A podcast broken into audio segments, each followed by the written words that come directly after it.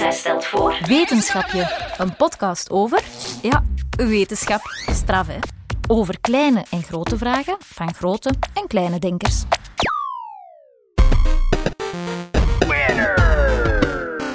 You lose. Ah, gadver, weer verloren. Ah, ik probeer te schaken tegen de computer, maar het lukt niet. Ik kan eigenlijk niet zo goed schaken. Kan jij schaken? Ik zou het wel willen leren. Ik denk dat het wel eens heel leuk zou kunnen zijn. Kennen jullie Magnus Carlsen? Dat is momenteel de beste schaker ter wereld. Zou hij winnen tegen de computer? Zou hij beter kunnen denken dan een schaakcomputer? Zou ik wel eens willen weten. Wie kan het beste denken? De computer of de mens? Er zijn 86 miljard hersencellen. Dit is Dries Braken. Hij is biomedicus en ook technoloog. Hij is zotslim en weet superveel over ons brein, maar ook over technologie van chips en computers. Dat komt omdat hij onderzoek doet naar onze hersenen. Het is heel erg moeilijk om in ons hoofd naar onze hersenen te kijken. En daarom gebruikt Dries de technologie van computerchips om ons hoofd te kunnen bestuderen. Hoe dat allemaal zit, dat kom je doorheen deze aflevering te weten omdat computerchips heel klein zijn, noemen we die technologie ook wel nanotechnologie. Maar wat is dat? Nanotechnologie is de wetenschap die zich bezighoudt met bestuderen van alles wat een nanometer of tientallen nanometers groot is. Uh, ja, ik weet niet precies hoe groot een nanometer is. Uh, Dries? Ja, een nanometer is één miljardste van een meter. Uh... Een menselijk haar is 100 micrometer. Dat is nog 100.000 keer groter. En dat haar kan je nog net zien. Dus 100.000 keer kleiner dan de dikte van een haar is een nanometer. Even denken, wat is een voorbeeld van iets dat een nanometer groot is? Bram, wat zijn zo de kleine dingen in het leven? Oh, amai. Uh, goeie vraag. Ja, zo wanneer dat mijn lievelingsnummer plots op de radio komt. Of uw winterjas terug moeten aandoen en merk je dat er in de zak nog een snoepje zit. Alleen nee, ik bedoel letterlijk hè, kleine dingen. Virussen en eiwitten in ons lichaam, die zijn een nanometer groot. Zot, hè? In elk geval, iets dat een nanometer groot is, kan je niet zien met het blote oog. Wij willen dus weten wie er beter denkt, de mens of computers. Computers die bestaan uit heel veel chips, maar zo'n computerchip, hoe wordt dat gemaakt? Een chip is meestal gemaakt uh, grotendeels van silicium. Silicium is een materiaal dat je vooral vindt in zand. En dat is op zich wel interessant, want er is heel veel zand. Ah ja, onze wereld ligt vol zand. Dat is dus super interessant. Om van dat zand een chip te maken, daar komt heel veel bij kijken. Dat is een super ingewikkeld proces. Van het zand maken ze silicium. Dat is het hoofdbestanddeel van een wafer. En dat is het basisbestanddeel van een chip. Een wafer lijkt gek genoeg op een harde, platte, zwarte pannenkoek. Ah, geef mij maar een zachte pannenkoek met suiker. Nadien zet men op één wafer verschillende chips, soms zelfs honderd. Met licht tekenen ze eerst het ontwerp van de chip en nadien komen er verschillende lagen metaal over. Daar komen heel veel speciale apparaten bij kijken. Het maken van een chip moet in een stofvrije clean room gebeuren. Mensen lopen er rond met witte pakken, mondmaskers, brillen, handschoenen en zelfs beschermende hoezen rond hun schoenen, zodat er zeker geen mini, mini, mini stofje op de chip komt. Anders werkt die niet. Hé hey, collega, ja? hangt er op een witte vest nu geen stoflek? Waar dat? Neuzengetrek. Allee. er zijn maar weinig bedrijven die computerchips maken omdat het zo kostelijk en moeilijk is. Dat silicium wordt eigenlijk gebruikt met die andere materialen om schakelingen te maken. Dus eigenlijk een schakelaar zoals een lichtschakelaar. En die kan aanstaan of afstaan. Een schakelaar, maar dan in het heel erg klein. Men gaat door die schakelaar stroompjes sturen, elektrische stroompjes. Ik stuur elektriciteit door een schakelaar. Als de schakelaar aanstaat, dan zal de lamp gaan branden. De computer begrijpt dat als een 1. Als de schakelaar uitstaat en ik stuur daar stroom door, dan gaat de lamp niet branden en krijg je een 0. En zo kan een computerchip dingen uittellen of connectie maken met het internet bijvoorbeeld. Oké, ik snap dat een computer met nullen en enen zotte berekeningen kan maken. Maar wij doen op een computer toch veel meer dan dingen uitrekenen, zoals bijvoorbeeld teksten schrijven of op het internet surfen of computerspelletjes spelen. Ja, berekeningen maken is eigenlijk nulletjes en eentjes. Maar natuurlijk bestaan er ook dingen zoals computertalen. Dat is dus mensen die een taal schrijven, een speciale computertaal, om die nulletjes en eentjes om te zetten naar iets wat wij begrijpen als een functie, eigenlijk wat die chip dan gaat uitvoeren, zoals een connectie maken met internet. Wij hebben een taal bedacht om een opdracht zoals open het internet te vertalen naar nullen en enen. Internet openen zou dus bijvoorbeeld kunnen zijn 01 000 111 0101. En 0101, hè, dat is ga eens koffie halen? Allee Bram, dat laatste is een opdracht voor u, hè? Ja, maar is dat dan mee of zonder melk, Leen? Want mijn computer is nogal roestig. Mm, mm.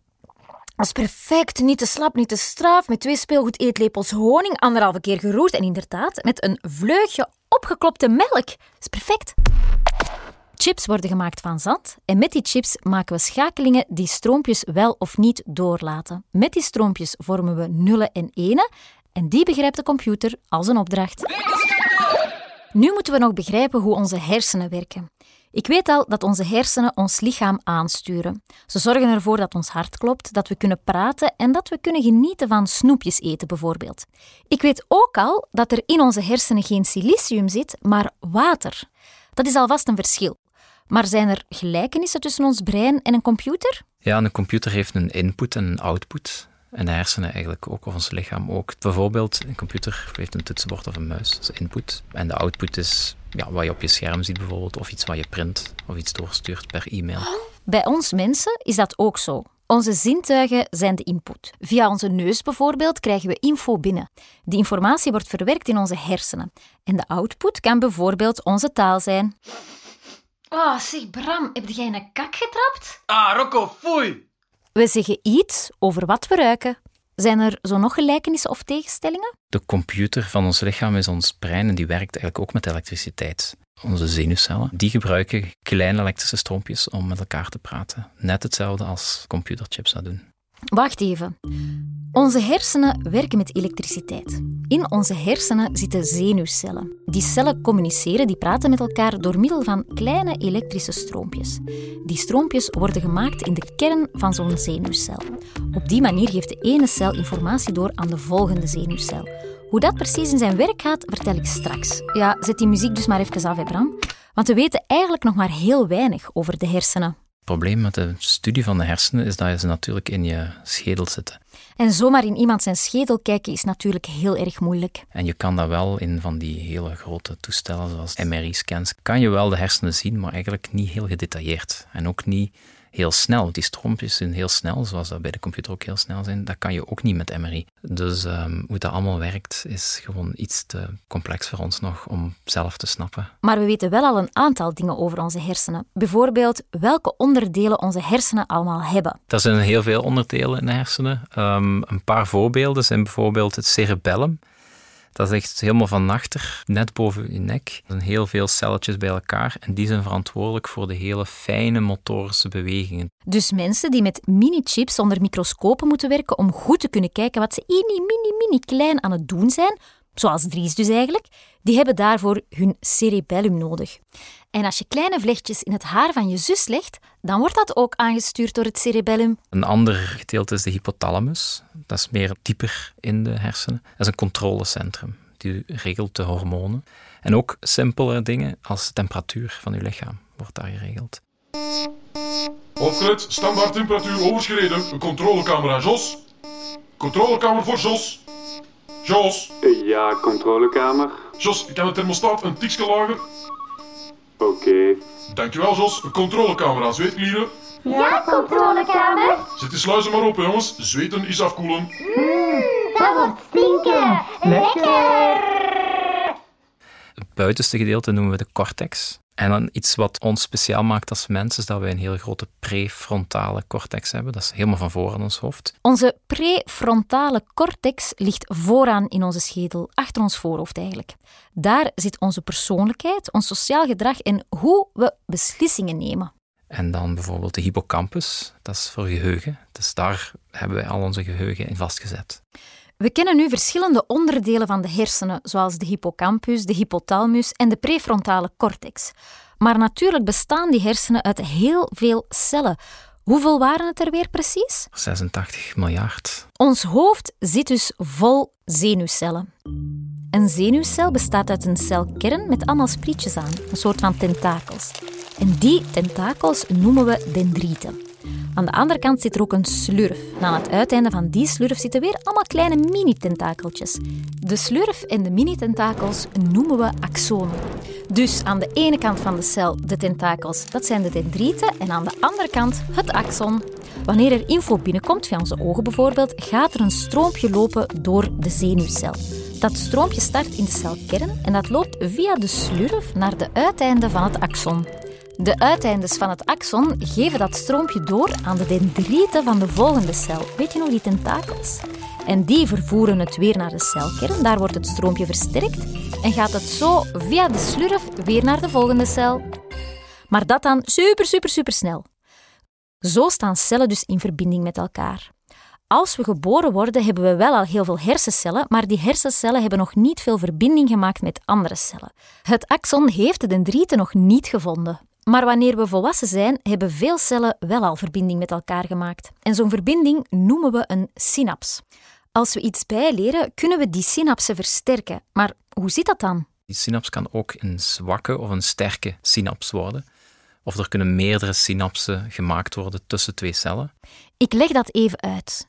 In het begin, als je piano leert spelen, lukt dat niet zo goed. En dan klinkt dat zo. Maar als je vaak blijft oefenen, ga je dezelfde verbinding in je hoofd stimuleren. Waardoor er vaak stroompjes door die verbinding lopen. Op die manier wordt die verbinding niet alleen sterker en sterker, er kunnen ook meerdere verbindingen tussen twee cellen ontstaan. Hoor je het? En je snapt het al, meerdere verbindingen is natuurlijk sneller en meer info doorgeven. Je kan het een beetje vergelijken met een autostrade en een zandweg. Een zwakke verbinding is een zandweg. Daar kan maar één auto heel traag op rijden. Maar op een autostrade kunnen veel auto's snel rijden. Zo is het ook in ons hoofd. En zo ga jij dus beter en beter piano kunnen spelen. Kan je alles leren? Ja, je kan ook heel fel je hersenen trainen natuurlijk, hè, door bepaalde taken te oefenen. Ik heb bijvoorbeeld eens gelezen dat iemand die schildert, dat die veel meer soorten groen of blauw kan zien dan een doorsnee mens, omdat die gewoon heel getraind is om verschillende schakeringen te zien. Als jij elke dag hetzelfde blad met cijfers leest, ga je na een tijdje niet alleen al die cijfers kunnen opsommen, maar je gaat ook je geheugen hebben getraind, waardoor je sneller en makkelijker dingen gaat kunnen onthouden.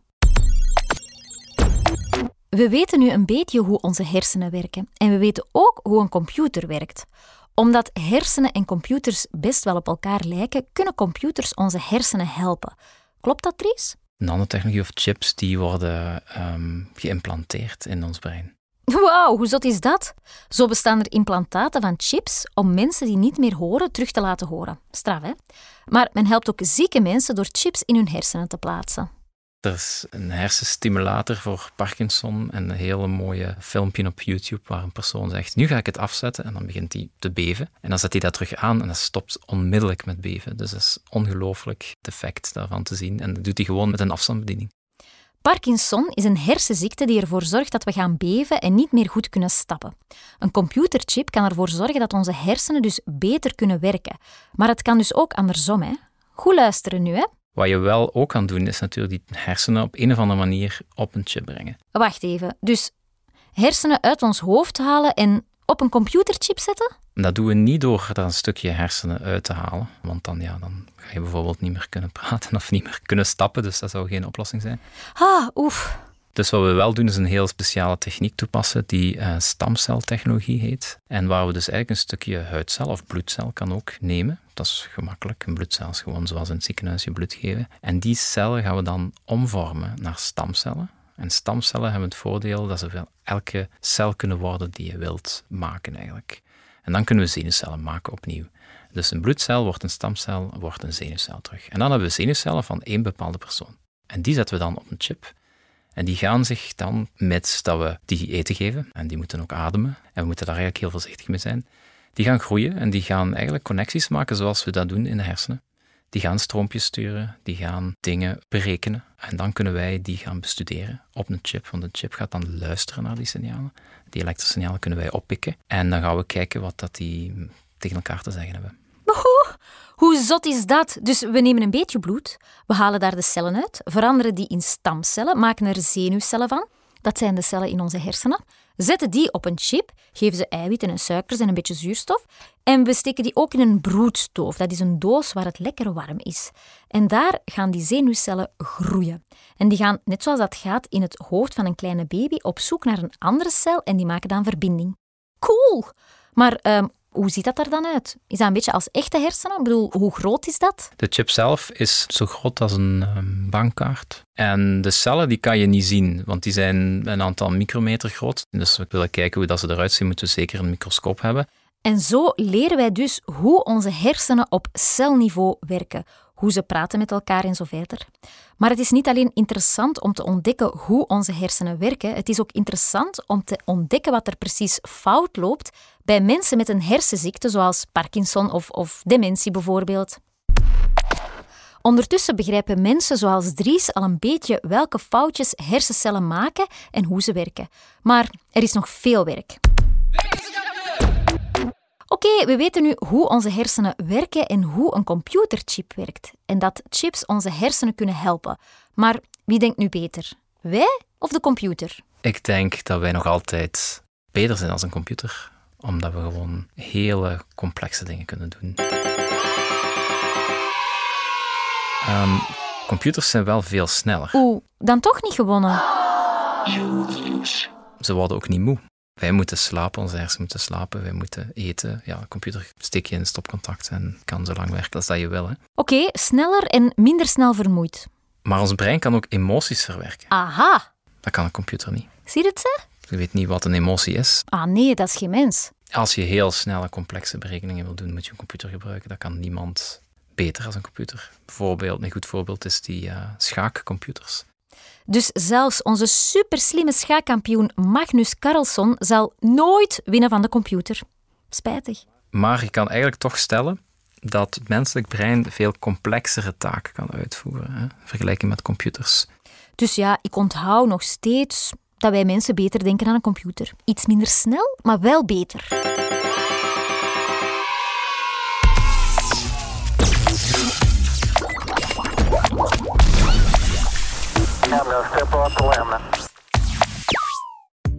Zit jij al langer met een borrelende vraag?